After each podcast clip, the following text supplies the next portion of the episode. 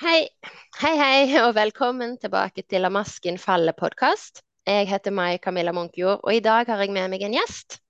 Hildur Vea, velkommen til deg. Tusen takk. Ja. Du har som meg en akademisk bakgrunn, Hildur. Du har eh, doktorgrad i folkehelse, og du har jobba lenge i akademia. Både med forskning og undervisning og veiledning. Men du er også psykoterapeut, du har utdanning som gestaltterapeut, og du har en rekke andre forskjellige kurs og sertifiseringer. Eh, ulike former for traumeterapi og mye annet spennende. Jeg er så glad for at du vil komme og snakke med meg om forskjellige temaer, bl.a. dette her med hva traumer er, eh, og hvordan vi kan komme på sporet av rotårsaken til traumer gjennom å gå innover i vår egen kropp og på en måte finne sannheten, vår egen personlige sannhet, ved å lytte innover i kroppen, blant annet. Eh, men du, før vi går videre, kan ikke du presentere deg sjøl med dine egne ord og si litt om hva du driver med i dag? Ja, eh, jeg jobber i dag eh, som selvstendig næringsdrivende. Jeg driver noe som heter Sofia-senteret. Ehm, det er et senter der jeg hjelper folk til å finne til kjernen i seg sjøl, til sin indre visdom. Sofia betyr vår indre visdom. Og hemmeligheten er jo at eh, alle erfaringene våre, det er det som er lagra i kroppen, det er det som gjør livet vanskelig. Og når vi forstår hva vi sjøl har erfart, hva vi har følt, hvem vi er, så løser disse tingene seg. Eh, så du snakket litt om sannhet, og jeg er veldig opptatt av den kroppslige sannheten.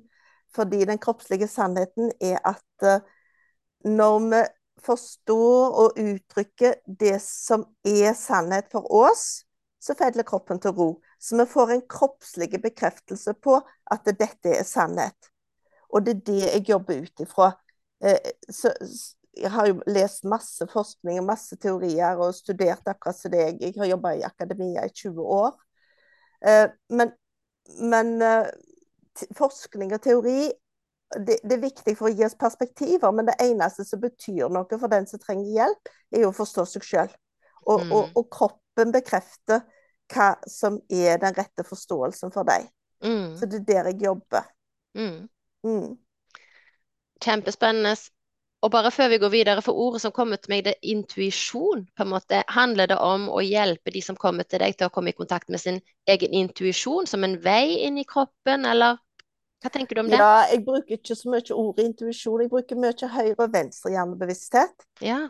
Eh, Venstrehjernebevisstheten er jo de automatiske tankene våre, eh, der vi er til vanlig. Men når vi blir litt roligere og kommer litt mer i kontakt med oss sjøl, så kommer vi i kontakt med kroppen og med følelsene. De sanne følelsene. Og egentlig så er det jo på den sida intuisjon ligger.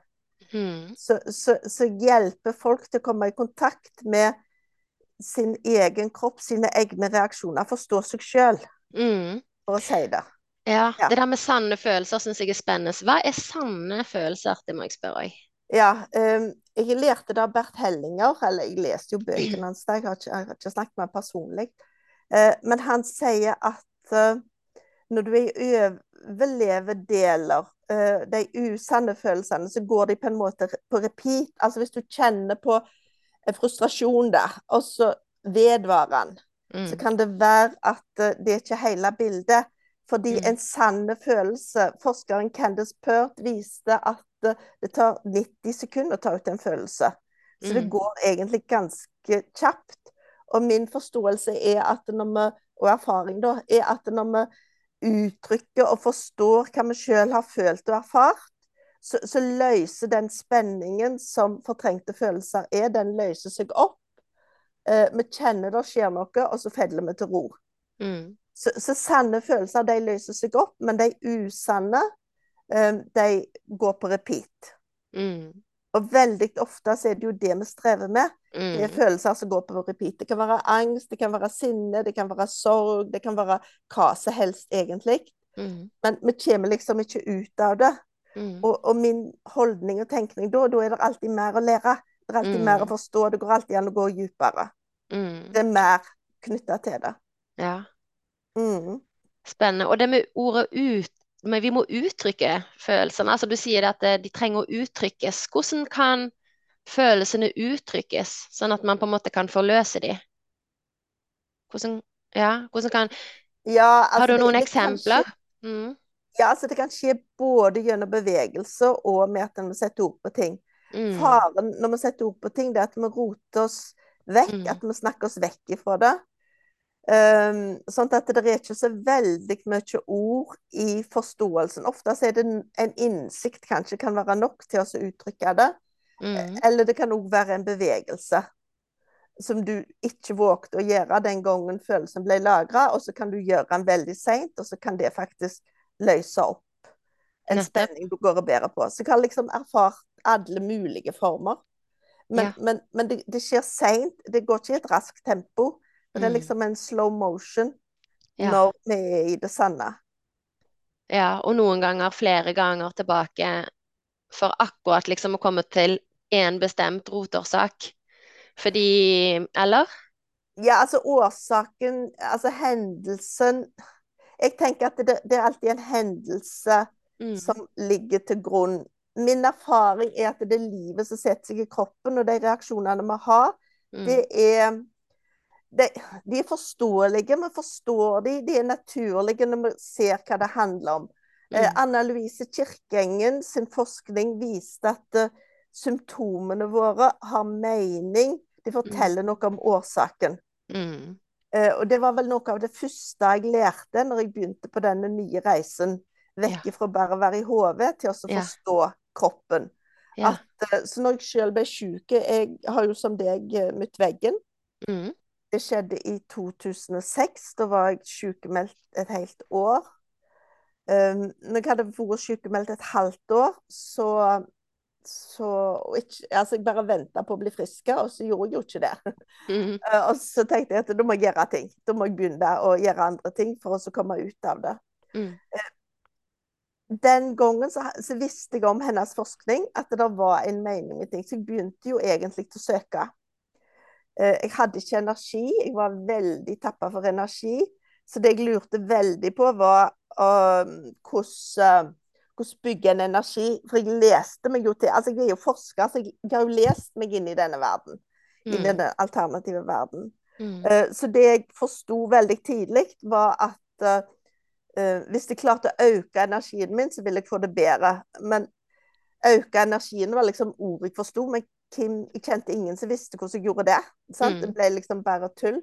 mm, Uh, Men så sto det i en av disse bøkene at uh, hvis du drev med yoga eller qigong eller meditasjon, så kunne du øke energien. Så jeg bare starta med hele pakken, jeg. Full fart inn i det. Tibetanske riter. Ja, hele pakken, sa du. Nevn da liksom, hva var de første verktøyene som du umiddelbart tok i bruk for å heve energien din der i 2006, sier du? Det var qigong? Jeg begynte med å gjøre tibetanske riter Mm, hver dag. mm, mm, I to år, faktisk. Så gjorde jeg de hver eneste dag. Um, og, og når jeg hadde gjort det i to måneder, så visste jeg at jeg hadde et verktøy som funka.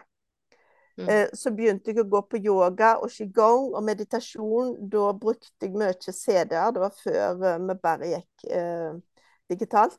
mm, Eh, så, så, så det var mye mer sporadisk jeg brukte det. Mm, Eh, men, men det var jo veldig mye som skulle på plass i meg, og jeg var jo ikke begynt Ja, så begynte jeg jo samtidig på gestaltterapistudio, så jeg gjorde jo mange, mange ting samtidig. mm. For å Ja.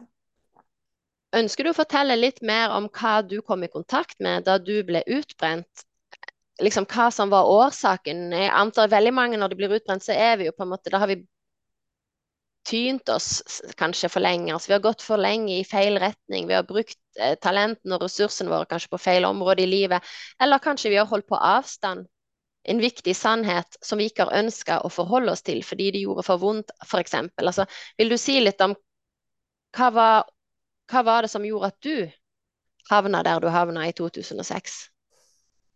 Jeg holdt jo på med doktorgrad da, eh, og Mhm. strevde veldig med å bli ferdig med den. Um, så, så det var liksom Jeg tappa nok batteriene fordi jeg aldri uh, Aldri hvilte skikkelig. Mm, Uh, hele tida så lå det på meg at jeg måtte bli ferdig. mm, Så var det noe som skjedde på jobben, men det er jo klart, det er det første du tror, det er jo at det er jobben. Det er alltid Mm. Og så er det jo ikke det. Det er jo egentlig din egen syke. Det Mm. er, har med oppvekst, det har med Det er forskjellige ting som ikke var bearbeidet. Og jeg visste det jo ikke sjøl, Mm. at, at eh, hvor store eh, energilekkasje det var å gå og bære på uforløste følelser.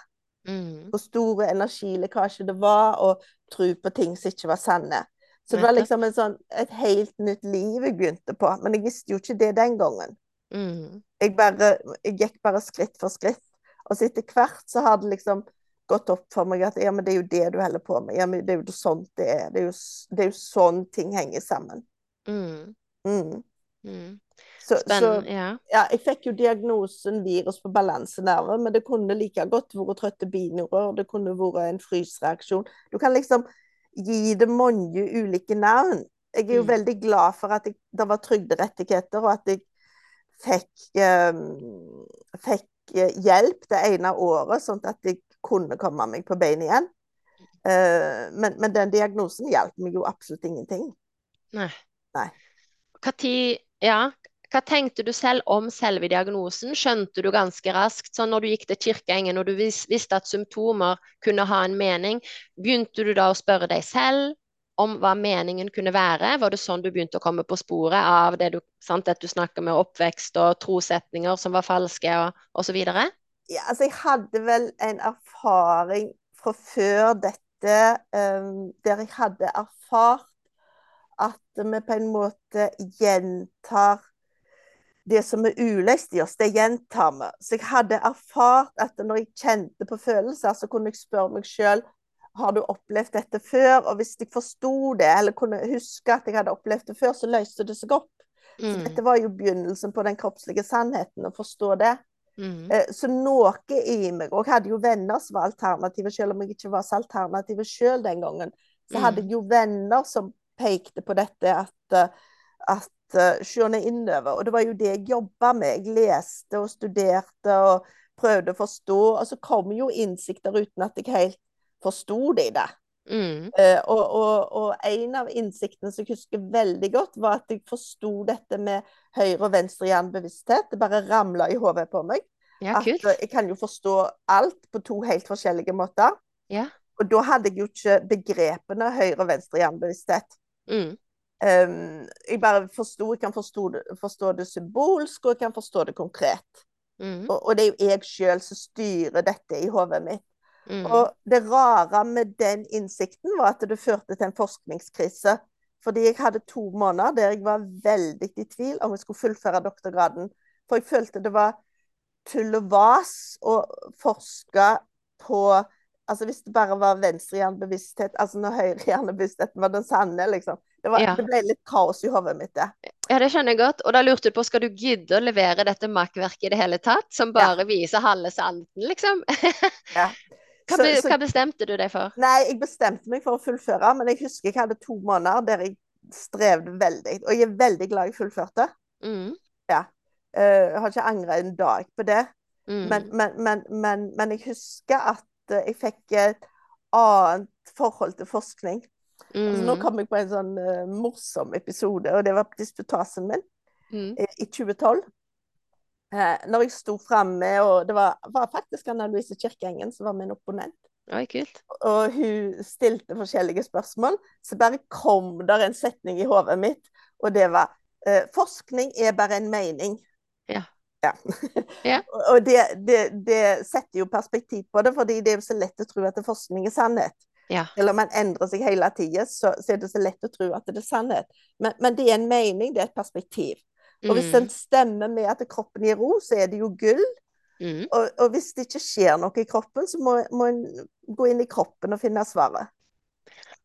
Og det er jo så spennende. Og etter at du på en måte fikk denne innsikten, da fortsatte du å jobbe i akademia en stund. Em, hvordan former det din måte å være i akademia på da de neste årene, i undervisning og veiledning og forskning, vil du si?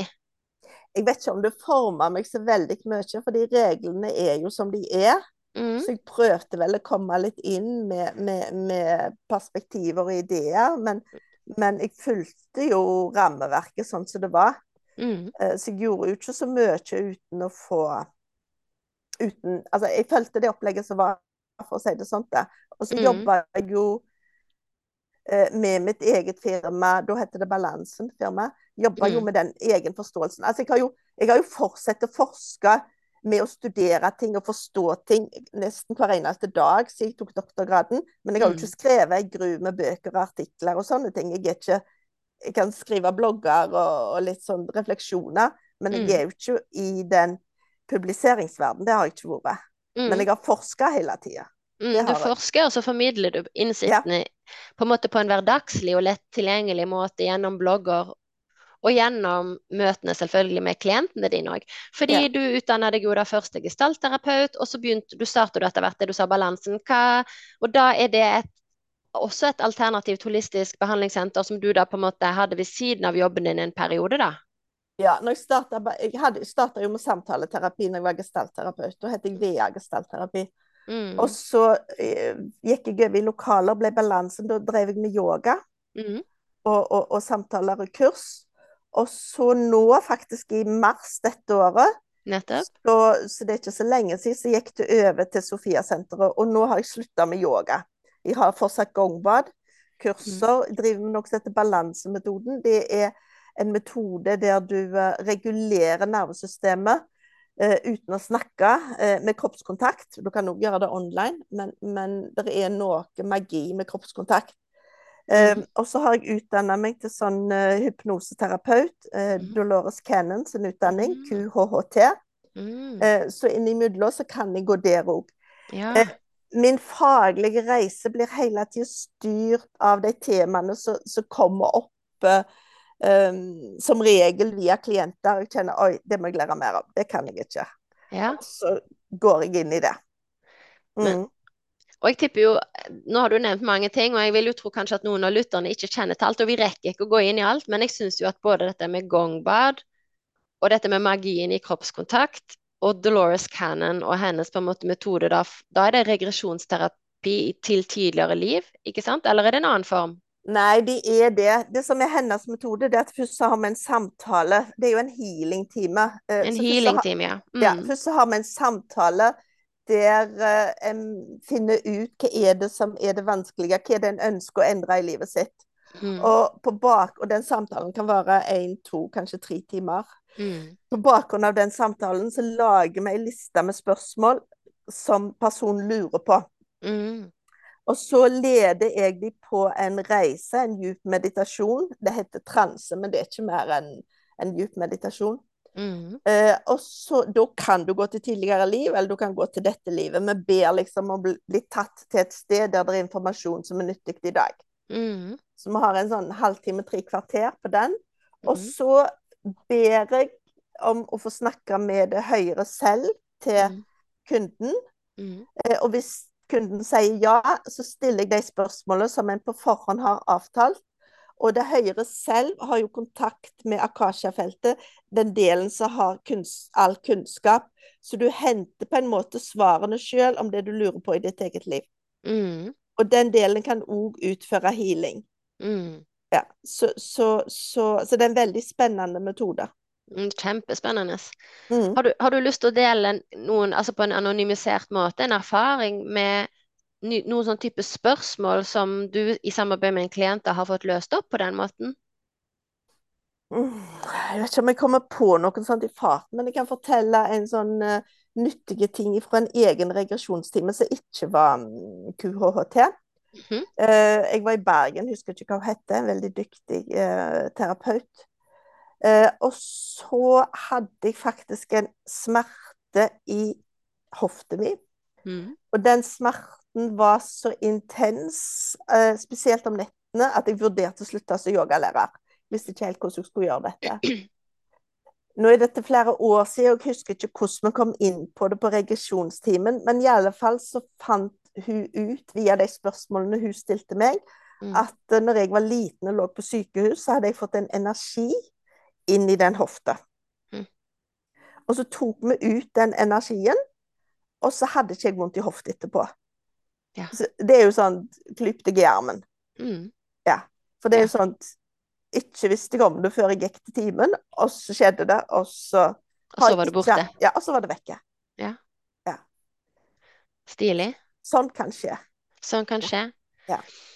Dette med kroppskontakt, da. Som er det òg syns jeg er veldig spennende. Vil du fortelle litt mer? Hvordan jobber dere da? Den magien Altså, som er i kroppskontakt. Ja, er det en altså- slags energetisk speiling på et vis, eller hva skjer? Ja, altså, hvis du tenker speilnevroner Mm. Speilnevroner betyr at du kan lese av nervesystemet til en annen person gjennom ditt eget nervesystem. Og vi som har unger, vi lærer jo dette når ungene er små, at vi forstår hvorfor de griner uten at de sier det. Altså vi leser energien uten at eh, de kan snakke. Mm. Du kan òg eh, trene deg opp som terapeut til å avlese nervesystemet.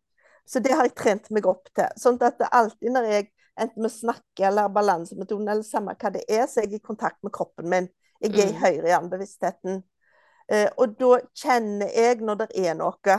Mm. Eh, si i en samtale så kan jeg kjenne oi, der slutta jeg å puste.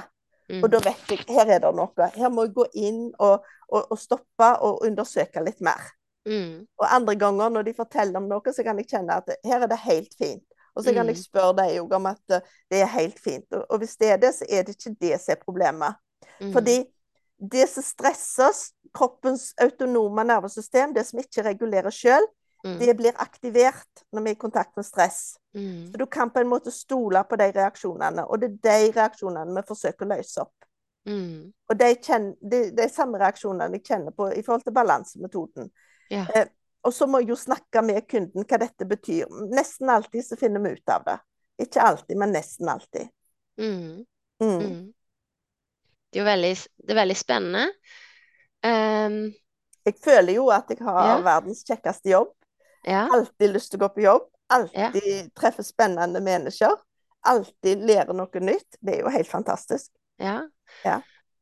Jeg vet ikke om du vil svare på det, men tenker du at denne evnen som vi mennesker har, alle sammen, til å på en måte, det du kaller det, avlese hverandres nervesystem hvis, Altså vi har potensialet til å utvikle den alle sammen. Er det en evne som er avskrudd, tror du, i det offentlige helsevesenet i dag? I den offentlige psykiatrien hos offentlige psykologer, eller brukes det bevisst, tror du, av enkelte? Jeg vet ikke hvor mye det brukes, for det, det som er forskjellig, det er jo relasjon som har betydning, ikke hva du er utdannet.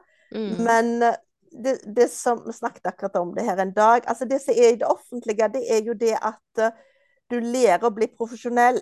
Det heter Mm. profesjonell. Ja. Og det betyr at du legger vekk alt dette. Nettopp, du legger vekk deg selv. Du skal Ja. ikke komme med egne erfaringer Ja. og ikke egne følelser og ikke dine egne tårer. Og så legger du opp et panser, og så møter jo klienten dette panseret, da. Ja, altså, du, kan, du kan ikke løse noe med å være en rolle.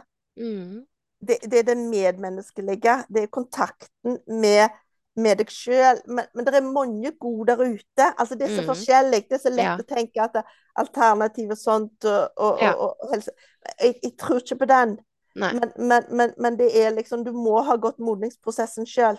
Mm, Du må du må- forstå det i din egen kropp for å kunne hjelpe andre. Mm. Resonans er jo et ord som jeg syns er viktig og spennende, som jeg, som jeg tror er viktig i alle Altså dette her med å kjenne at gjenklang, eller Mm. gjenkjennelse, og hvor vi alle lengter etter å Altså vi lengter etter jeg vet ikke, Lengter vi ikke etter det? Vi lengter etter gjenklang og resonans, på en måte. Og hvis vi kan møte det både i medmennesker og hos en terapeut, så føler en seg på en måte ivaretatt, mindre alene, en kommer i kontakt med den samhørigheten, på en måte. Ja, jeg tenker at vi trenger bli forstått av andre for å forstå oss sjøl. Altså det er veien inn til oss sjøl går via andre. Mm. Og noen av oss har det i barndommen, og andre av oss har det ikke i barndommen. Så da må vi gjerne lære det som en terapeut. Så det er noe i den menneskelige kontakten som Du, du kan ikke lese deg til det. Jeg var Mm. jo en sånn leseperson som trodde jeg kunne lese meg til alt, men den Ja. sannheten har jeg gått vekk ifra. Nettopp. Det er veldig mye som kun kan oppleves og erfares i relasjon. Og Mm. det er ofte det viktigste. Vi trenger teorier, vi trenger kunnskap, men, men det er det som skjer i relasjon, i fysiske møter, som hjelper oss videre. Mm. Mm. Og jeg har jo vært i en behandlingstime hos deg. Hva type, hvordan, hva kalles den type behandling? Jeg har valgt å kalle det for systemisk samtale. På Mm. en måte så er det en vanlig samtale, men på en annen måte så, så ser vi i, større perspektiver kan trekke inn familiegenerasjoner hvis det er nødvendig, eller andre systemer som er, er aktuelle. Eh, det er en kroppsnære eh, behandling der vi, vi hele tida kjenner etter hva som skjer i kroppen, og så er det et lite skritt videre hele veien. Så på en måte er det fenomenologisk, fordi det er det som viser seg, bestemmer hva vi gjør videre. Så vi lar på en måte en slags indre guide fra klienten sin energi styre hva som vi gjør. Mm. Av og til så kommer vi veldig fort til store resultat, og andre ganger så stonger vi litt. Og sånt mm. er det mm. jo med alt. Mm. Ja. Mm. Så, så, så, jeg bruker markører. Um, jeg kaller det sko, men det er egentlig papirlapper som er klippet ut som skosåler. Um, jeg får veldig god tilbakemelding på bruk av dem, fordi vi forstår ting på en helt annen måte. Du kobler til høyre hjernebevisstheten når du ser et bilde, til forskjell fra bare å bruke ord. Og det mm. hjelper folk å holde fokus. Mm. Uh, så, så, jo klart Når jeg har jobba som terapeut i 2009, så lærer du etter hvert hva som funker i de fleste tilfeller. Og så er det ikke noen at uh, du må tenke helt nytt. Mm. For det, det, som vanligvis pleier å funke, det funker ikke her. Men, men mm. systemisk samtale, det er en form for konstellasjoner. Mm. Jeg har gått i samme lære som Du har jo vært borti IOPT. Mm. Um, jeg tok òg utdanning hos Marta Thorsheim, uh, men så valgte jeg å gå videre i Sverige og mm. utdanne meg. Så jeg tok to år videreutdanning der. Så jeg har tre-fire år, ja. Mm. Med, med, grunnutdanning og litt videreutdanning i det. Ja, og det, det kan vi kalle da bare enkelt for lytterne, altså en sånn type traumeteoretisk terapiutdanning. Ja. Mm, der du går mer grundig i hva er egentlig traumer. Og Kanskje du skal få lov å definere det, da? Sant? Hvordan definerer du traumer? Traume er når du opplever noe som overvelder deg, og så blir reaksjonen vedvarende i kroppen etter, etter hendelsen er ferdig. Og da snakker mm. jeg ikke om ti minutter etterpå, men jeg snakker om uker og måneder. Så, så, det er noe som blir på en måte en fastlåst reaksjon, og den mm. sitter i kroppen. Så det er en blokkering i kroppen sin energi, vanligvis knytta til følelser. Så, mm. så, det vi vanligvis forstår som, som, traumer, er jo egentlig overveldelse av følelser. Mm. Folk kaller seg sårbare, sensitive, eller det slår seg til magen. Det er mange måter som dette kommer ut på, men hvis du går inn og ser på hva er årsaken til det, så er det nesten alltid overveldelse av følelser. Mm. Mm. Og jeg kaller dette for en smerteklump. Mm. Eh, og en smerteklump er jo alle de følelsene som oppstår på en gang, som gjør at dette er så overveldende. Mm. Når du får jobbe med litt og litt og litt og litt, så blir det håndterbart. Mm. Og det er jo det som er målet med all, teori, all, terapi. Det er jo at du mm. skal forstå deg sjøl og håndtere det vanlige livet. At når du kjenner på en følelse, så tåler du at den går i kroppen. Og så mm. forsto du at 'Å ja, nå var det det jeg følte'. Og så går du videre. Mm. Det som jeg har erfart, som jeg syns er ganske spennende, det er både i meg sjøl og hos kunder, så ser jeg at uh, når du da er i kontakt med følelsene dine, så kan egentlig kriser Jeg setter kriser i hermetegn, men det er egentlig kriser. Eh, ting som setter deg ut der, sier det eller sånt. Mm. Eh, så går det veldig fort over til du er tilbake og har full kontroll. Og det som du har full kontroll på, det er jo dine egne reaksjoner. Og du forstår hva det gjorde med deg. Og du trenger ikke å endre seg i det hele tatt i den situasjonen som setter deg ut. Men du liksom, du lander i deg sjøl, du forstår deg sjøl, og du, du er på plass, du tenker klart, og du vet hva du kan gjøre. Mm. Mm. Og Det syns jeg er veldig nyttig. at Til mer du har jobba med deg sjøl, til kjappere kommer du inn i den tilstanden. Mm. Mens jeg før gjerne brukte to-tre uker på å lande noe sånt, for jeg ble så rusta, så, så, kan det gjerne gå et døgn eller noen timer. Mm. Ja, og og til og med sånn at man på en måte etter noen dager ikke kognitivt helt husker egentlig hva man en gang jobba med, eller hva det var for noen ting, men at liksom Men det kjennes annerledes i kroppen. Altså mm. noe som kanskje lå og murra, har sluppet taket, eller ja. Ja, altså når, når, det som er i ubalanse, kommer i balanse, så slipper det taket, og da glemmer vi det. Mm. Og Derfor er det så vanskelig å hente opp ting, fordi du er ferdig med det på en måte. Det, det mm. du ikke er ferdig med, så popper opp av seg sjøl hele tida. Mm. Mm. Ja, det er spennende. Eh, jeg vet ikke om du har noe å si, men jeg gir deg fritak hvis det er noe du har lyst til å kommentere på den timen vi hadde, som du husker, eller som du på en måte kan bruke som eksempel? Og sånn. Jeg, jeg, hvis ikke det er noe som, noe som jeg husker sjøl. Og det var at du kommenterte at du opplevde at jeg hadde et sinne. Og Mm. jeg var egentlig ikke bevisst det sinnet på forhånd. Jeg, ja. Kan, vil du si litt om det? Hvordan merka du det sinnet? Nei, jeg kjente jo på det i meg sjøl. Ja. Men jeg tenker jo at eh, selv om jeg kjenner på ting, så har det jo kun betydning hvis det er noe som gir resonans, eller som du kjenner i deg. Mhm. Eh, det jeg er ikke så redd for å si hva jeg tenker. Jeg er ikke redd at jeg skal påføre mine ting Mhm. på kunder, fordi det er jo deres kroppsreaksjoner som viser hva som er sannhet. Mm. Så, så spørsmålet er jo Stemte det? Var det sinnet jeg plukka opp? Kan du, kan du kjenne igjen det nå etterpå? Ja, altså jeg tenker at det, det var sinne. Det var sinne. eh, men jeg var litt overraska over sinnet fordi at det, um, Fordi det jeg på en måte hadde litt kontakt med på nytt, eh, det var følelsen av å være lei meg. For den Mm. ligger som regel lettere tilgjengelig for meg. Sånn at jeg var tilbake til å være litt lei meg og litt redd, og liksom at det var noe vagt. Og at, at ja, og er det virkelig behov for en ny runde da, med Mm. tilgivelse? av mine foreldre og meg sjøl, for ting som skjedde veldig veldig tidlig. Hva er det nå som kommer opp, på en måte? Mm. Eh, og når det sinnet kom, så ble jeg først litt sånn kognitivt redd. Helledussen, må jeg, må jeg helt tilbake? Må jeg virkelig jobbe? For jeg jobba så hardt i starten Mm. i min terapeutiske reise med å komme i kontakt med, med mitt sinne og uttrykke det. sant? Og jeg dro på psykodrama helg, og jeg ble kjempesint og brukte masse krefter på å slå ned med en teppebanker i en madrass og noe greier. Og, og brukte ganske mye tid på meditasjoner, på å komme i kontakt med sinnet mitt og slå ned i gresset, altså få det ut av kroppen. Og det, det kosta meg så mye at jeg hadde en veldig stor motstand. Det kan vel ikke være nødvendig, Mai Camilla, å gå gjennom enda en sånn høst nå, tre år etterpå. Og da kjente jeg ganske raskt at jeg vet ikke om du er enig da, men da kjente jeg ganske raskt at nei, men det, det trenger du ikke, Mai Camilla. Du trenger ikke nå å jobbe like hardt som du Mm. jobba for tre år siden, med å liksom ha fokus i flere uker på å komme i kontakt med og slippe ut sinnet ditt. Det trenger du ikke, men du kan registrere at her er det enda et lag med sinne, og så kan du gå innover og spørre hva er det det handler om? Sant? Se om at jeg kan klare å få en klarhet i hva det handler om. Og og da kom det jo på en måte mange ting, eh, og det kom litt før og litt etterpå, men blant annet så, så er det jo noe som er vanskelig for meg kognitivt å forstå, men det er noe med at det er en kobling mellom de sårene jeg ble utsatt for tidlig i møte med mine foreldre, og da kan vi bare si helt forenklet, altså følelsen av å ikke bli sett, og følelsen ikke å bli ivaretatt, følelsen av å ikke være betydningsfull, følelsen av at mine behov var uviktige. Den type følelse. Det hang sammen med de konsekvensene som jeg strever med i dag, enda Mm. i forhold til trygghet i egen kropp og seksualitet.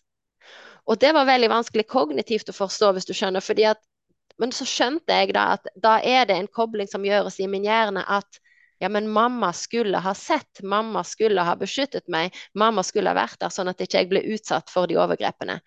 Og når jeg skjønte at det var en kobling der, og kunne jobbe med å sette henne fri, fordi ja, bare sette henne fri fra den forventningen, for hun så faktisk ikke. Mm. Og når jeg kjente at det var sant at hun så faktisk ikke, så ble det en sånn der lettelse i kroppen. Mm. Og, og på en måte jeg kunne bare visualisere at hun, ja, hun var i tåke. Mm. Det betydde ikke Og så trenger jeg ikke å ta stilling til ja, var hun da glad i meg eller Nei. ikke, for da har jo det kognitive meg lyst til å lure på ja, men var hun Mm. glad i meg? Men hun så meg ikke. Mm. Hun var ikke i stand til å se meg.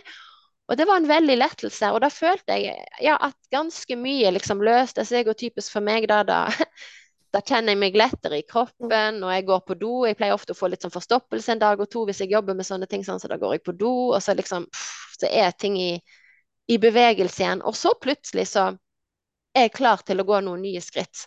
Ja. Jeg vet ikke om det gir mening. Sånn Mm. som du beskriver, er jo sånn som jeg, jeg jobber hver mer med sinne. Jeg bruker ikke teppebenker. Mm. Eh, jeg lar reaksjonene komme, og, og, og den lettelsen du kjente, det er jo det jeg kaller for en kroppslig sannhet. Mm. Du bare visste det i deg at dette var sannhet. Sånt var det. Ja. Ja. Og jeg har visst det før kognitivt, at Ja. mamma så meg ikke. Det skriver jeg jo om i La masken Ja. falle òg, at jeg følte at hun ikke så meg. Men nå kjente jeg at det, hun så meg ikke. Altså Ja. hvis du skjønner, og, og det hjelper litt henne også, for hun mente ikke å overse meg. Nei, men, men det du setter opp på der, er så kjempeviktig. Fordi vi tror vi forstår når vi bare forstår med tankene, men vi gjør ikke det. Vi må forstå med kroppen. Det er den som setter oss fri. Og det Mm, er det du setter ord på. At det andre laget var å forstå med kroppen, og da ble du fri. mm. Mm. Så det var jo veldig stilig. Og plutselig da så var jeg åpen for å ta imot andre former for hjelp. Ja. Fordi at eh, jeg har jo, eh, ja, som du vet, og som folk vet, så har jeg jo gått en god del i terapi. Altså kanskje ikke så ekstremt lenge som mange. Jeg gikk åtte måneder hos psykolog, det syns jo jeg var lenge. Eh, Og det hjalp meg til kognitiv bevissthet. Og så har jeg liksom vært litt hos psykodrama, litt hos hypnoterapeut, meditert, gjort selvhypnose, gjort masse greier. Og så, og så var det nå et nytt lag. Ikke sant? Både i lag med deg, men òg der jeg ber om healing. Og jeg har ikke Mm. bedt om healing før, men nå ber jeg om healing, og ikke bare ber jeg om healing og betaler dyktige healere for å på en måte få en sånn liten ekstra push, men òg så har to healere uavhengig av hverandre tatt kontakt, og så har vi snakket litt, og så har de spurt er det noe jeg kan gjøre for deg. Mm. Og så vet jeg da at jeg skal spørre dem, ja, hvis du ønsker det, så hadde jeg satt utrolig stor pris på hvis du kunne. Og så. Hvis du kunne hjelpe meg med. Og da handler det for meg, når det jeg ber om på ulike måter, det er å åpne hjertet enda mer. Fordi, fordi at jeg har en liten frykt før, så tenkte jeg at jeg var redd for ja, masse forskjellig, sant? At jeg var redd for eh, å være feil, redd for å være dum, redd for å være alt. Jeg var det også, men nå har jeg jo kjent på at nå er jeg egentlig ikke redd for det. Men jeg er litt redd for at det lyset som bor i meg, skal komme frem. Fordi jeg har jo ikke kontroll på det lyset. Hva er det vi egentlig har i oss da av lys, eller av visdom, eller av innsikter som ønsker å komme frem? Og er det akseptabelt for meg selv og mine medmennesker? Sant? Jeg vet ikke. At det er noe der. Mm. Så da våger jeg å be om å åpne opp. Selv om det er ting som mitt kognitive jeg, akademiker jeg, syns er far beyond det jeg tidligere ville tenkt var aktuelt og tilgjengelig for meg å forholde meg til. Jeg vet ikke hva du tenker.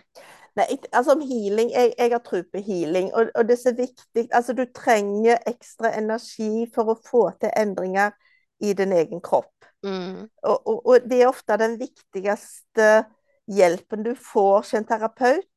Det er at de har en høy energifrekvens, sånn at endring blir mulig. Og, og, og Mm. mange healere har det. mm, Eh, Så, så det syns jeg er, er veldig bra.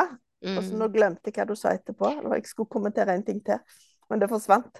Ja, men vi kan ta det vi, Jeg forsvant for meg òg, det kommer tilbake hvis det skal. Men dette med healing som energioverføring Ja. mm, Men du, du reparerer deg sjøl, men du mm, trenger nok energi, og du får ekstra energi tilført Nettopp. på andre. Og jeg åpner meg opp for å få den hjelpen, istedenfor å være litt sånn trassig. Jeg vil klare selv. Mm. Fordi der har jeg vært veldig, sant. Jeg, det er litt morsomt, det er en annen trosetning apropos, som har blitt tydelig for meg nå. Og det kan være òg etter den behandlingen vi hadde. Eh, nemlig trosetningen at jeg må, jeg må jobbe så hardt. Sant? Jeg må jobbe så hardt. Og det er helt sikkert lang vei å gå enda, og jeg må jobbe så hardt. Altså den tanken om at jeg må jobbe så hardt. Og så vet jeg jo at jeg trenger ikke jobbe så hardt. Nei, du trenger ikke det. Så på Mm. lørdag så hadde jeg min første feire meg selv-dag på I don't know hvor lenge. Der jeg bestemte meg, ikke sant. I dag, I dag ber jeg bare om hjelp til å feire meg selv. Det var, det var dagens bestilling. Og dagen var jo ganske vanlig, hvis du skjønner, fordi jeg følte ikke for å feire noe sånn Mm. voldsomt. eh, For det er jeg ikke så vant med å feire, så det var verken kjole eller dans eller bløtkake eller sånn. Men det var hver gang når jeg da gikk tilbake til meg selv, så var det at i dag er det feiringens dag, på en måte, og klappa meg på skulderen. Og ærlig talt, så bra jobba meg, Camilla, du har kommet langt. Og den dagen var altså så fin, på en måte. Det var sånn ekstra glede i de små tingene. Ekstra glede i sjøbadet mitt, ekstra glede i kaffen med mannen min, på en måte. Og, og så plutselig kom det et kjempefint dikt også. Jeg skriver jo en del dikt uansett, men det diktet på en måte viste at jeg var litt videre. Ja. Og jeg tenker at eh, ta den følelsen med deg inn i hverdagen. Mm. At hver dag blir en sånn litt spesiell dag. Why Mm. not? Ja. Men, men altså, jeg jobber en del med hva det er som tapper folk for energi, men like viktig er det å finne fram til hva er det, hvordan bygger en energi? Hva er det Mm. som gjør deg Altså, hvordan får du energi? For vi er litt ulike. Jeg vet jo hvordan jeg får energi, men det er jo ikke sikkert den oppskriften passer for alle. Mm.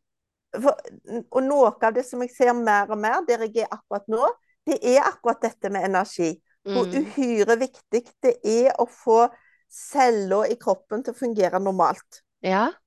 Og hvordan det er viktig å få energi. Og er det noe folk strever med, så er det jo akkurat denne De er for stressa, de er for utmatta, Mm. de er for urolige. De Mm. klarer ikke å lande i seg sjøl. Mm. Så, så, så um, Ja, det er kjempeviktig det der. Altså, hvordan hjelpe kroppen, hvordan hjelpe cellene, og til og med for de som er opptatt av sånn, det heter vel da ATP, altså cellene sånn Ja. energi, um, energi factory. mm, Uh, ja, fabrikker. Hvordan få kroppens egen bitte små energifabrikker i cellene til å produsere mer energi. Og Mm. da sier du, da, og da må vi finne ut ja, hvordan kan jeg samarbeide med meg selv for å få det til. Og så må vi be om den hjelpen vi trenger. Og det kan være tenk- mye. jeg tenk- jeg tenker det kan være, altså Man må tenke både fysisk og psykisk. Vanligvis så skilles dette, Ja. men jeg, jeg skiller ikke på det. Mm. Eh, fordi et eh, fettmolekyl, hvis, hvis det ikke har nok oksygen, så produserer det to sånne ATP. Men Mm. hvis det er nok oksygen og, og flyt i systemet, så produserer det 38. Ja, tenk Det er jo klart, hvis du er helt på eh, forskningen til Jerry Tennant, så hvis du er helt på, på negative sider i forhold til energi, så må du søke hjelp for å komme ut av dette. Mm. Du, du klar, ellers så gjør du de rette tingene, men, men du får ikke opp nok energi. Mm. Mm.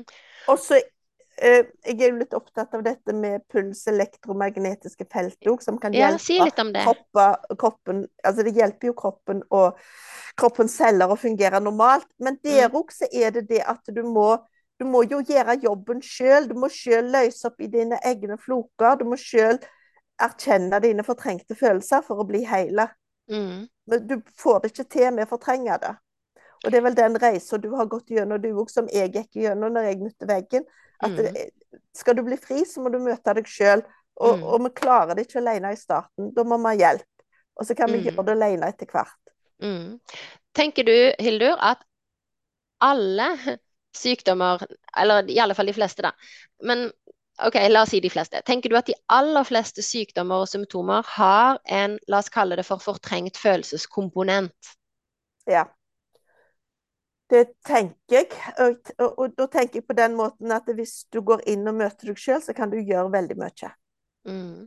Og, og vi trenger begge deler. Vi trenger litt Mhm. begge deler. Det er ikke sånn Men, men, men, men hvis du jobber med å forløse følelsene dine, så kan det hende at du ikke blir syk i det hele tatt. Mm. Det er livet som setter seg i kroppen. Vi er energi. Vi er frekvenser. Det er Mm. der det starta. Det starta ikke i den fysiske kroppen. Det Mm. starta i, i energifeltet, sånn som jeg forstår det. Det er min forståelse. Ja, og den syns jeg er spennende. Jeg hører liksom en sånn, et motargument for noen kan være ja, men hva med unger da som blir syke? Kan det være deres liv? Hvordan kan vi forklare unger? Det er jo blitt mer og mer kunnskap nå om dette her med flergenerasjonstraumer. Ja, det er én ting. Og så Nå går jeg inn på noe som jeg ikke er så voldsomt inne på, men av og til så snakker en om at det er kontrakter før vi er født. Mm. Um, så så, så det, det er mange forklaringer til Mm. unger som blir syke. Det jeg jobber mest med, det er jo Altså, hvis, hvis foreldrene spinner av stress, Mm. og så har de en unge som er kjempeurolige, Mm. og så skal de ha ungen rolig, de må jo begynne med seg sjøl. Det er så viktig. Jeg òg tenker det. Det er så viktig. Jeg må bare gjenta det du sier der. Altså hvis, Ja, når, når vi ser våre barn så lide, det, selvfølgelig skal vi omfavne dem, men det Ja. viktigste arbeidet vi gjør, det er å roe ned oss selv. Ja. Så, så jeg, jeg vil jo ha foreldrene i terapi, jeg. Mm. Um, jeg, har, jeg gir balansemetoden til, til unger og Mm. har gode resultater. Mm. Og, og, og da tilbyr jeg alltid timer til foreldrene. Mm. Um, for for um, ungene lever jo i energien til foreldrene. Så hvis Mm. ungene har en kjempeurolig energi, så det er ikke alltid, men av og til så går dette i generasjoner. Av og til så handler det om foreldre som ikke er på plass i seg sjøl. Av mange grunner. Ja, og av og til kan det handle om barnehagemiljø eller skolemiljø og SFO-miljø og andre typer miljø.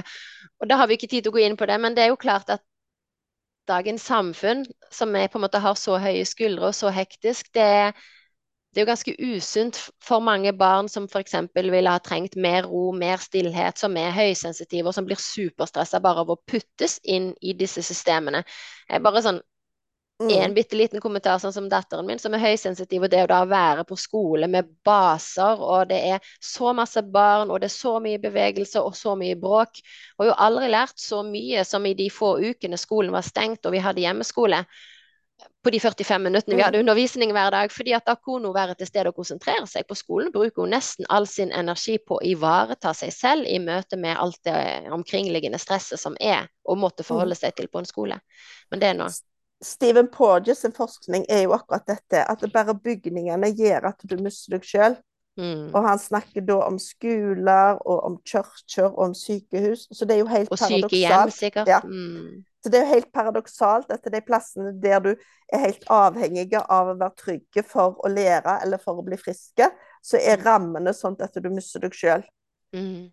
Så, så Stephen Porges. Mm. Stephen Porges. Spennende. Mm. Veldig bra. Jeg tror at tiden går, og vi skal begynne å avrunde snart. Men før vi begynner å avrunde, er det noe du tenker Jeg har noen spørsmål, men er det noe før jeg begynner med de avrundende spørsmålene som du har lyst til å si, Hilde? Forhold Kommer ikke på noe sånt umiddelbart, så bare fyr løs, du. Ja. Eh, ja, altså Jeg tror kanskje jeg kan til det spørsmålet først. De som kjenner at de blir litt nysgjerrige nå når de hører oss snakke, og som tenker at oi, jeg har lyst Jeg kunne gjerne tenke meg en terapeut som Hildur, eller jeg ønsker å ta kontakt med deg. Kan ikke du si litt først hvordan, hvor og hvordan kan man få behandling hos deg? Du har sagt både Zoom, at du kan gi noen av disse behandlingsformene på Zoom. Um, ellers, ja. jeg, hold, jeg holder til på Karmøy, midt på mm. Karmøy, på Ja.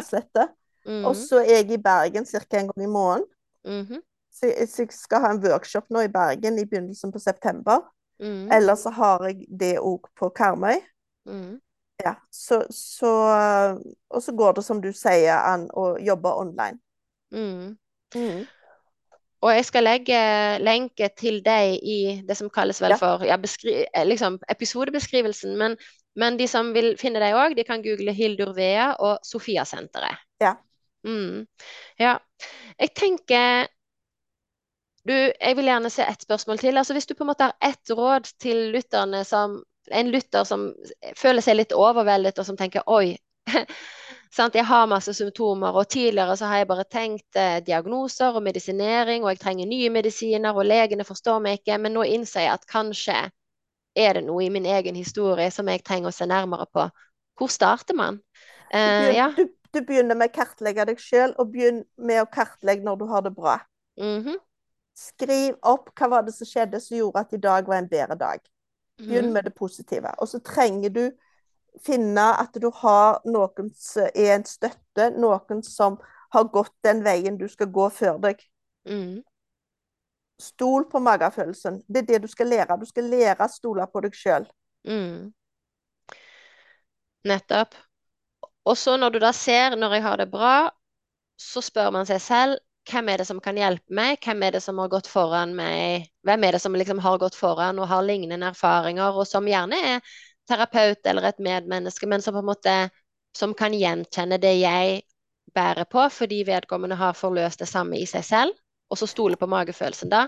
Også, Ja, eller, at, eller at du kjenner at du er trygg. Du kan være deg sjøl. For du må Mm. legge merke til hvem kan jeg være meg sjøl i Mm. lag med. Kroppen har to bevegelser, den. Enten så krymper vi oss, Ja. eller så åpner vi opp. nettopp. Og når vi er trygge og avslappa, så åpner vi opp, og ellers så krymper vi oss. Så du, Mm. du, det er veldig lett å legge merke til når du er trygg, og når du ikke er trygg.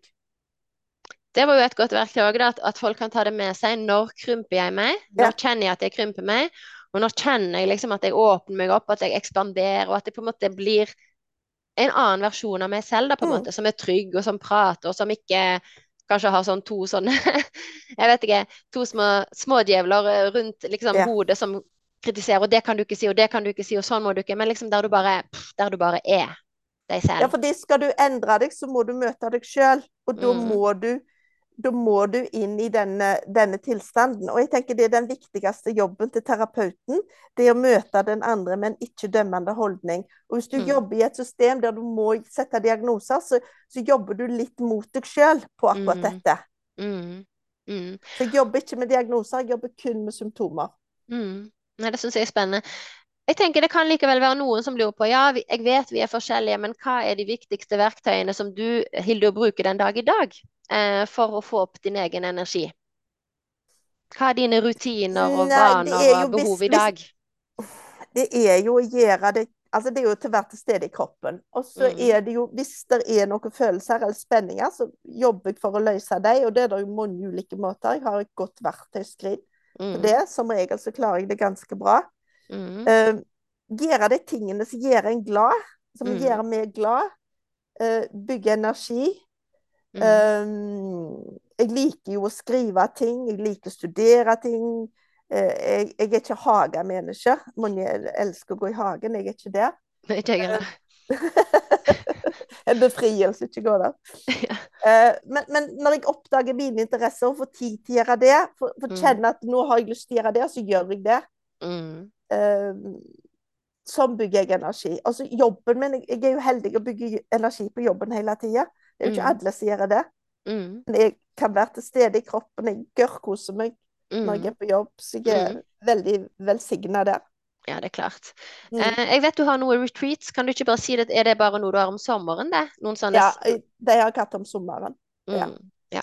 Så da blir det eventuelt neste sommer, 24, neste så kan dere følge med på om dere vil være med på retreat med deg.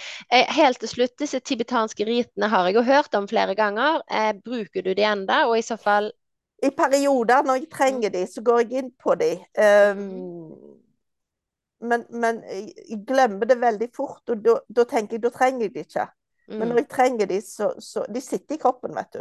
Mm. Sitter i kroppen, Men jeg gjør det ikke hver dag nå. Men det, det er et fantastisk verktøy. Um, når jeg begynte med de, så begynte jeg på alle 21 med en gang. Og da brukte jeg 20 minutter. Jeg var sykemeldt i den perioden, så jeg hadde jo tid til det.